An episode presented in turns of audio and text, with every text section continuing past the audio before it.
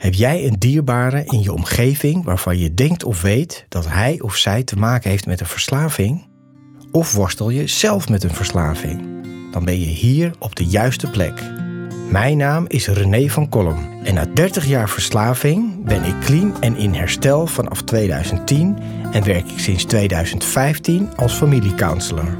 Dit houdt in dat ik de mensen in de directe omgeving van iemand met een verslaving help want als je dicht bij iemand staat die verslaafd is, is het echt belangrijk dat je weet wat je wel en beter niet kan doen. In deze podcast, in samenwerking met Lev Magazine, neem ik je mee in de wereld van verslaving en de verslaafde. En leer ik je met mijn kennis en ervaring hoe jij hiermee om kan gaan, wat herstel is en wat je kan doen om jouw dierbaren te helpen en zelf overeind te blijven.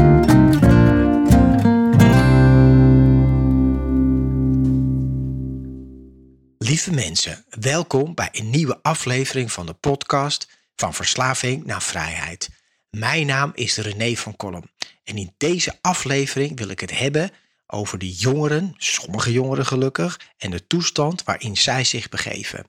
Maar eerst even dit. Hebben jullie gehoord van een nieuw middel, een relatief nieuw middel, dat snus heet en zijn opmars maakt in Nederland? Nou, wat is snus? Snus is tabak, een nicotineproduct, dat in een tablet of een zakje onder de bovenlip wordt aangebracht, gestopt. Komt mij bekend voor. En het bevat evenveel nicotine als 20 sigaretten. Dus je moet je voorstellen, één dosis is hetzelfde als 20 sigaretten. Nou, ik ben geen roker.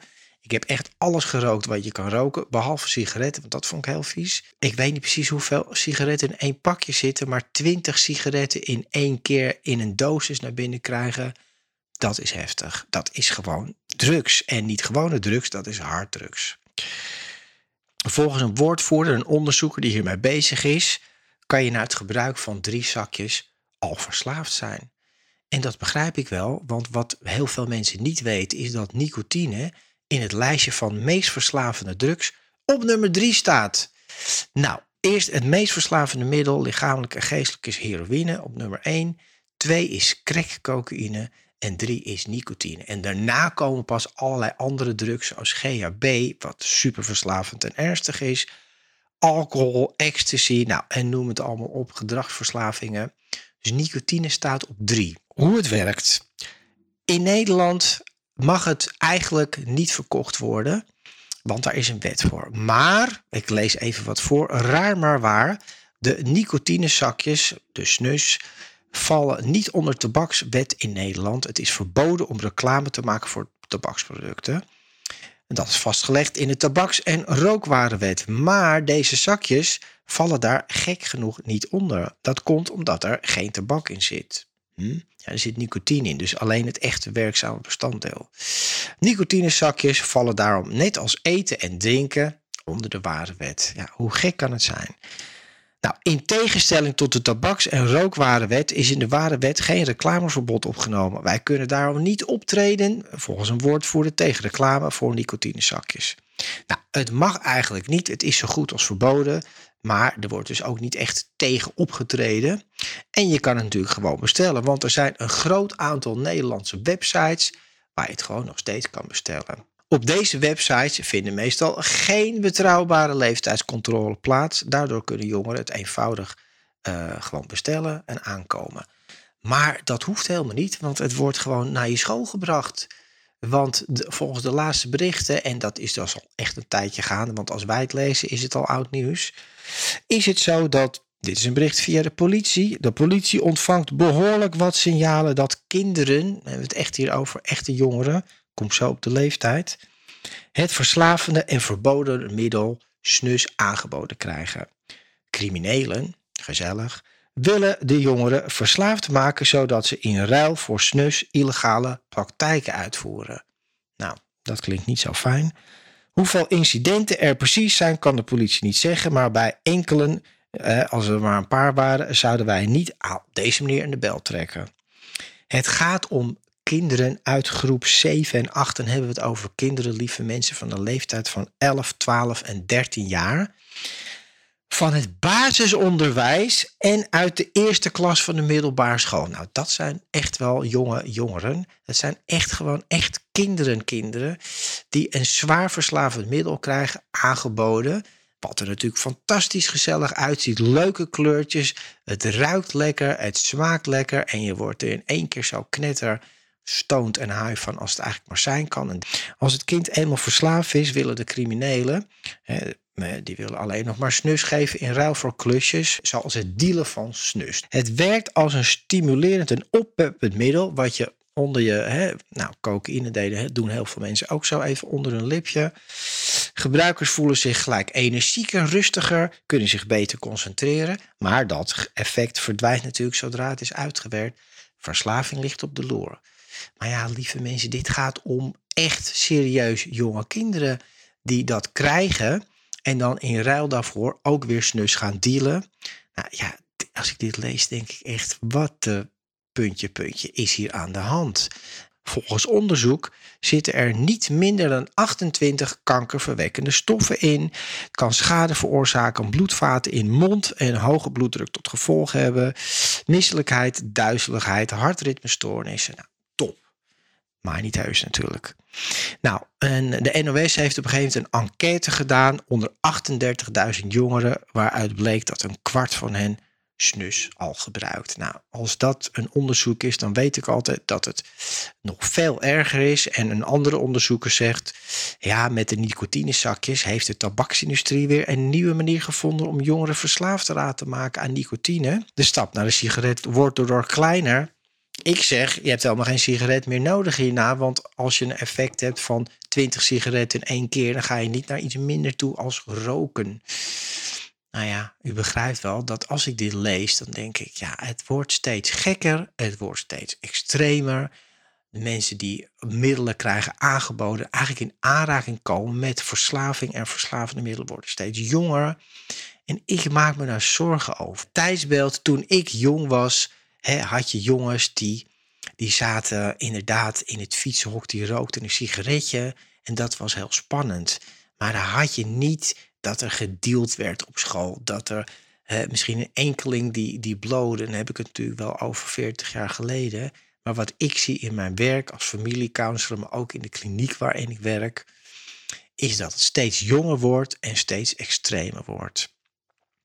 Ik maak me daar zorgen over en het breekt ook wel mijn hart als ik zie hoe die jongeren zoeken eigenlijk naar een leven vol zingeving, vol liefde en vol verbinding. En dat gewoon heel moeilijk kunnen vinden door allerlei dingen die spelen in de wereld.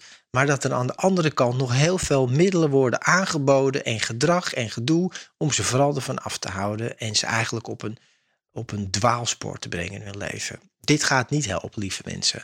Nou, en dan maak ik even een, sprongetje naar de iets oudere jongeren.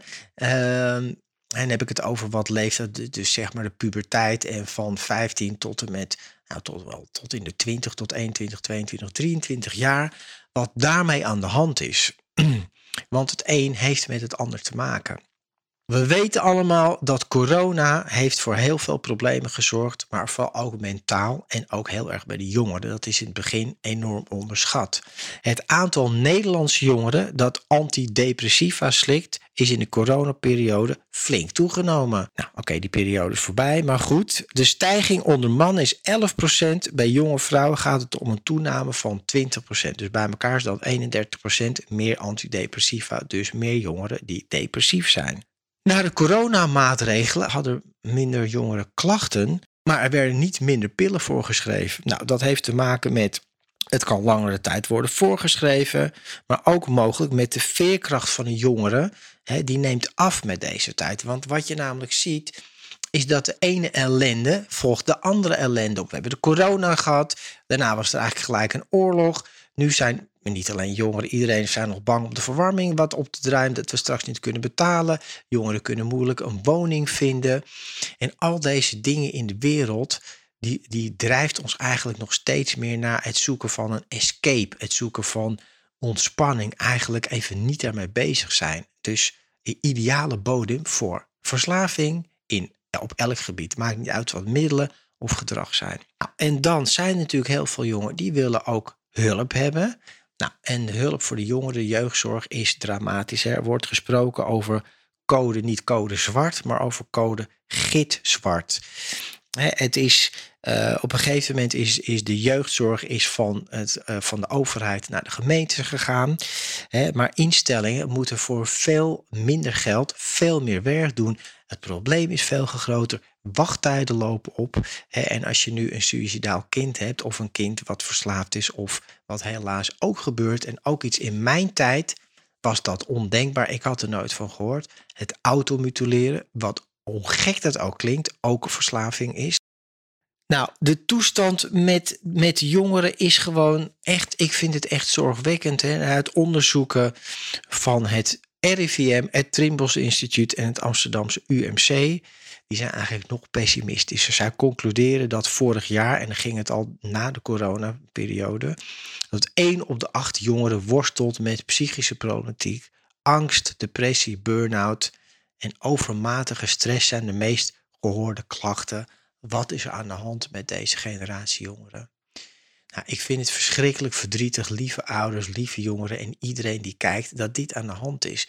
Ik zou heel graag een hele vrolijke video maken over hoe fantastisch het gaat. En ik wil jullie allemaal niet heel depressief maken of verdrietig, maar dit is wel echt iets wat er is. En nu haal ik maar twee dingetjes eruit. Hè. Dat snus wat in opmars is bij de jongeren, super verslavend, gevaarlijk en drijft hun tot criminele activiteiten, tot dealen. Hoe, op wat voor een jonge leeftijd ga je leren om dealen en verkeerde dingen te doen? Hoe, ziek is dat? En aan de andere kant een hele groep jongeren die verloren is, die depressief is, die het niet weet, die het niet kan vinden, met allemaal stress die in de wereld is. Dit zijn allemaal voedingsbodems voor problemen en verslaving. Nou, lieve mensen, ja, wat is de oplossing? Nou, die oplossing heb ik natuurlijk ook niet zo 1, 2, 3 paraat. Maar wat ik wel weet is dit. Het is niet 2 over 12, het is 5, 6 uur later. We zijn, het is al veel te laat, het probleem is al veel te groot. Uh, de, de tsunami van problemen en die er nog aankomt. Want geloof mij dat er nog een hele generatie met verslaving en problemen aankomt. Die is nu al in de maak, dat is nogal bezig. En alle problemen die daar weer uit voortkomen. Nogmaals, dit is niet een hele vrolijke video. Het is een groot probleem wat niet zomaar opgelost is. Maar wat ik wel zie en wat de gemeenschappelijke noemer is onder deze problemen. En dat is altijd mijn punt. Er is geen echte verbinding meer. En dan bedoel ik mee dat de verbinding met jezelf, met je omgeving, met je ouders, ouders met hun kinderen, eh, vriendschappen hè, en met, met de mensen om me heen. Ik zie bijna alle jongeren, en ik hou ook van muziek, dus ik begrijp het, zitten allemaal met oortjes in, een capuchon op en op een telefoon, uh, op de fiets ook nog en in de trein. Eigenlijk worden gewoon steeds weggetrokken van een echte verbinding. En nogmaals, ik zit ook op mijn telefoon. Ik kijk ook naar een filmpje. Ik hou erg van muziek. Ik luister ernaar. Maar wat ik wel zie, is dat we steeds meer weg worden getrokken van een echte verbinding van hart tot hart. Van gewoon echt met elkaar zijn. Met voor mijn part bordspelletjes, ouderwets, ganzenborden, stratego, nou, noem het maar op. Geen reclame. Maar gewoon leuke dingen om met elkaar te doen. Echt weer verbinding te gaan. Het internet, de alle apps die er zijn, de telefoon, dan nog een zootje, middelen eroverheen, gamen, gokken. Ja, vind je het gek dat een hele generatie zichzelf kwijtraakt? Nou, en wat ik zie, hè, en, en ik ben heel blij dat ik werk in, naar mijn mening, mijn optiek, de beste jeugdkliniek in Nederland. En wat er gebeurt is precies dit. Geen telefoon, geen internet, geen, is wel muziek, maar dan allemaal samen. Hè, en dan luisteren ze naar muziek. En wat ze daar gaan doen is naar elkaar luisteren, elkaar horen, elkaar zien, herkenning krijgen met elkaar, echt met elkaar praten. Wanneer nemen we daar nog allemaal de tijd voor? Naar elkaar luisteren en samen met elkaar zijn, zonder allemaal afleidingen, zonder allemaal gedoe en uiteraard zonder drugs en, en, en dat soort zaken. En wat er gebeurt is, hè, als ik zie, als ze aankomen en dan breekt elke keer mijn hart. Dan zie ik al die kopjes van gewoon ontzettende lieve, leuke, maar hele kwetsbare jongeren. Die, ja, die gewoon vastgelopen zijn voor wat voor redenen ook. En dan komen ze binnen met die kopjes echt zo van, nou, nou, nou, weet je, dan zie je eigenlijk het verdriet, de verlorenheid en Ehm, ja, het raakt mij elke keer als ik het zie. En gelukkig gaan ze naar die behandeling met hun hoofd weer naar, opgeheven naar buiten. En hebben ze zin in om het leven. En wat je gewoon daar elke keer in ziet, is dat die verbinding is weer gemaakt met elkaar, met, met hunzelf. En ze voelen veel meer wie ze zijn. En, en ook met elkaar gewoon, met het echte praten. En wat nou ook zo bijzonder is, in deze kliniek waar ik werk, mogen dus geen telefoons worden gebruikt. En ik werk er nu al 7 plus jaar. Ik heb nog nooit één jongere gehoord, ik heb mijn telefoon gemist. Nou, en dat, wil, dat laat mij zien hè, dat alles, de echte verbinding van hart tot hart, echt naar elkaar luisteren, met elkaar praten, echt met elkaar praten en de tijd nemen voor elkaar, gewoon boven al die andere onzin gaat. En dat het gewoon super belangrijk is. En ik denk dat we dat al een beetje kwijt zijn geraakt met z'n allen. Dus lieve mensen, wat ik jullie wil zeggen van deze plek, neem de tijd voor elkaar. Lieve ouders, praat echt met je kind. Maak verbinding. Leg al die stomme telefoons weg. En ga gewoon lekker een bordspelletje doen. Ga wandelen, ga fietsen, ga karten. Weet ik veel. Maak echt tijd. Praat ook over dingen met elkaar. Uh, en ook vrienden, weet je wel. Let op elkaar. Laten we elkaar erbij houden in de verbinding, in de liefde. Want dat is het allerbelangrijkste wat er is. Lieve mensen en lieve jongeren en lieve ouders en iedereen die kijkt. Deel dit met elkaar. Ook over, hè, dit is geen informatiekanaal van de overheid of wat dan ook. Ik vind dat de overheid echt tekortschiet qua preventie en inlichting en voorlichting en rolmodellen. Ik wil in dit kanaal nogmaals niet als een soort politiekanaal of wat dan ook. Maar ik wil wel jullie bewust maken van wat er aan de hand is. Zoiets als snus is gewoon bad news. Dat moeten we niet hebben onder de jongens. Ze hebben echt nog genoeg op hun bord. En drugs gaan niet helpen. Neem het aan voor mij. Ik heb alles geprobeerd. Maar pillen en poeders lossen geen problemen op. En hoe goed je er ook van voelt, daarna crash je altijd weer naar beneden. En begint het patroon van verslaving zich in jou te ontwikkelen, te herhalen. Want dan wil je dat gevoel opnieuw weer hebben. En voordat je het weet, zit je eraan. Met alle gevolgen van dien. Je gedrag verandert. Je raakt de verbinding kwijt met je omgeving, met jezelf. En je wordt er nooit leuker van. Knuffel elkaar, lieve ouders, zeg tegen je kind: Ik ben trots op jou, ik hou van jou. Laten we iets leuks gaan doen en laten we met z'n allen iets van maken. En laten we met z'n allen ook kijken hoe we kunnen weggaan van alles wat ons afleidt van de liefde en van de verbinding met onszelf. En met elkaar. Lieve mensen, dank jullie wel voor het kijken en het luisteren naar dit kanaal. Deel dit met elkaar, want dit is een kanaal waar ik heel veel ga vertellen over wat verslaving is, maar vooral ook hoe je eraf kan komen. Ik, ga nog natuurlijk, ik heb heel veel mensen die ik geïnterviewd, er komen nog veel meer bij. Deel dit met elkaar, want dit is een kanaal van hoop, liefde en verbinding. Dank jullie wel voor het kijken en luisteren en tot de volgende keer. Bedankt voor het luisteren naar deze aflevering van Verslaving naar Vrijheid. Wil je mij een vraag stellen of heb je mijn hulp nodig? Neem dan contact met me op via mijn website renévancolum.nl.